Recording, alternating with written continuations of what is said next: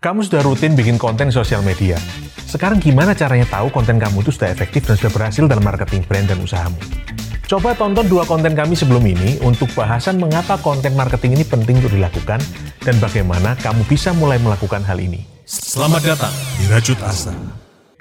Dalam bukunya yang berjudul Epic Content Marketing, Joe Pulizzi menjelaskan bahwa ada empat tolak ukur kesuksesan sebuah program konten marketing. Yang pertama adalah content consumption. Berapa banyak sih konten kamu ini dikonsumsi oleh pasar? Cara mengukur konten consumption berbeda untuk masing-masing sosial media, tapi intinya yang perlu kita ketahui adalah berapa banyak orang yang terjangkau dan menonton konten tersebut. Berapa banyak kontenmu itu dilihat oleh pasarmu. Selain jumlah penonton, perlu juga kita perhatikan berapa persen dari penonton yang menonton konten itu sampai habis. Ini adalah salah satu fitur yang dapat kita lihat di IGTV atau di Facebook dan YouTube. Pastikan kamu memperhatikan hal ini. Yang kedua, sharing metrics. Tolak ukur yang satu ini akan menunjukkan berapa jauh konten kita ini dibicarakan oleh orang lain. Like, shares, tweets, pins, saves, forwards, itu adalah beberapa istilah di beberapa sosmed yang berbeda yang menunjukkan kesediaan pasarmu untuk membagikan dan menyimpan kontenmu. Ini menunjukkan bahwa pasarmu memandang kontenmu sebagai sesuatu yang layak untuk dibagikan. Yang ketiga, lead generation.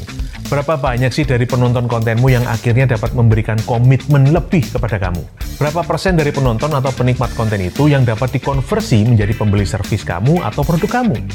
Pasar memberikan tingkat komitmen yang berbeda-beda terhadap brand yang ada. Contohnya di sosial media, like, follow, dan share semuanya memerlukan tingkat komitmen yang berbeda-beda. Like itu yang paling rendah, share yang paling tinggi. Nah, secara umum, semakin tinggi tingkat komitmen pasar terhadap brand kita, semakin tinggi juga kemungkinan mereka untuk dapat kita konversi menjadi pelanggan kita. Bagaimana caranya kita mengetahui bahwa mereka akan lebih terbuka untuk menjadi pelangganmu?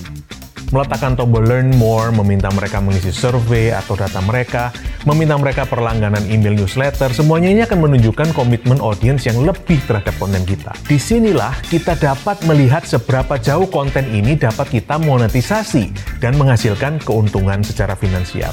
Yang keempat dan terakhir, sales, penjualan. Pada akhirnya konten marketing yang baik akan berujung pada penjualan yang meningkat di perusahaan kita. Mengapa penting untuk mengukur keempat hal yang tadi? Karena pada saat kita mengetahui mana yang kurang dalam performa konten marketing kita, maka kita dapat menciptakan konten yang lebih sesuai untuk kebutuhan kita. Contoh, apabila konten kita kurang banyak ditonton, mungkin konten kita itu kurang relevan dengan pasar. Mungkin judul yang kita berikan kurang menarik. Mungkin caption yang ada kurang sesuai. Apabila konten kita kurang dibagikan, mungkin kita perlu merubah jenis konten yang kita bagikan Coba renungkan, konten apa ya, seperti apa ya, yang lebih gampang dan lebih umum untuk dibagikan oleh orang lain.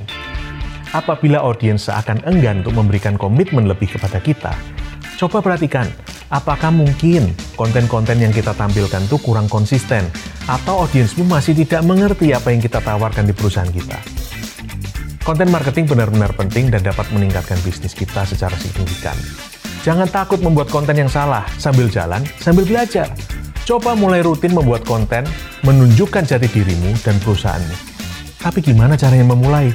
Gimana membuat story yang baik untuk konten kita? Selamat merajut asa. Hai Prajut, temukan Rajut Asa juga di Facebook, Instagram, dan YouTube. Sampai ketemu lagi para Prajut. See you!